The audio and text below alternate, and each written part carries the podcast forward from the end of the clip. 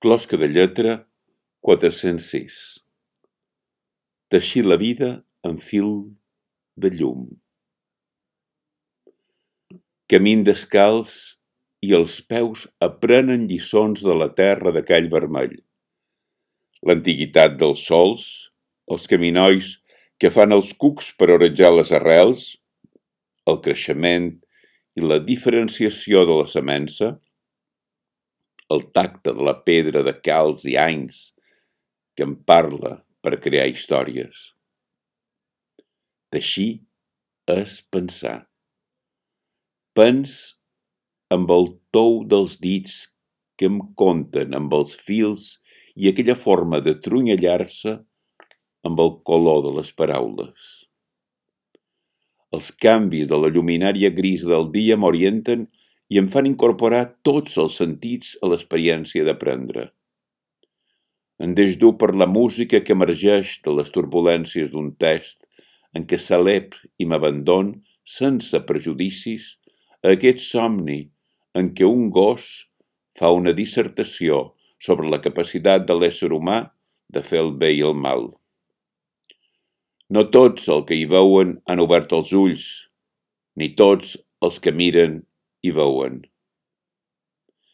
De cap a cap del caminal d'ailants que no tenen ni una fulla, he penjat un taló blanquíssim on he escrit, amb pals petits de carbó, una faula ben entremaliada en tot d'animals que parlen pel descosits, per les orelles, pels ovaris, per les plomes, per la gargamella, pels ullals, pel pixot, pels xàfecs, pel bec, pels ous i per la naturalesa tota. Però un ala de falcó ha xapat la tela i ha desfet l'encís del joc. M'he escapat així com he pogut amb un bot impossible per damunt la paret d'escanadasa amb parament verd i m'he jocat de quatre grapes a darrere el pujol dels anegats, on, asseguts en cadires de vori, cobertes de roba de burell fosca, els saurins s'hi apleguen per atacar la secó a cops de vareta. No em plau gens a tornar allà d'on no he vingut. M'emporta el nou i el deler i el delit de conèixer.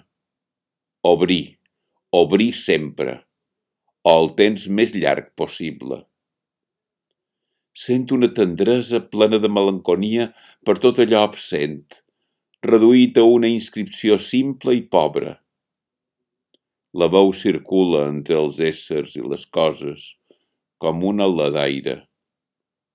Casals buis, jardins abandonats, les ferides de la desaparició, les metamorfosis de la pèrdua em fan mal. M'he disfressat amb pètals de neu, amb brossalla de pi, amb clovelles de mel·la, amb ortigues fresques, amb clofolles d'ou, i he posat el lector de CDs la sonata per piano en si bemoll major de Schubert, en la interpretació de Clara Askill. El primer moviment m'ha arrossegat a la vorera de les llàgrimes.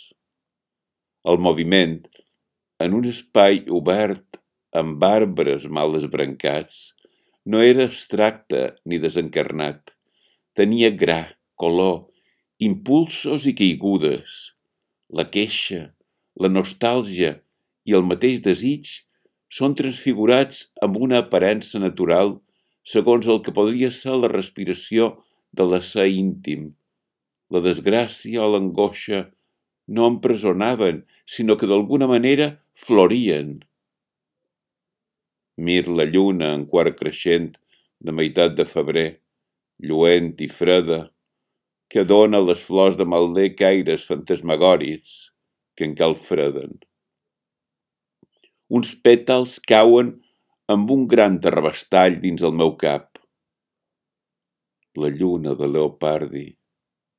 Què fai, luna? in ciel. Dimmi, què fai, silenciosa luna? Aquest començament de poema m'obri camins més fondos que l'astre real. em reconforta. Llum a l'interior de la llum. He agafat un vierany mal d'emprendre entre els barzers esbadiats, ombres d'oliveres, estimballs de troncs i un aire cel estenuat. Quan arribi el cacurucull del coll, segur que podré veure-hi clar. Vindran les oronelles?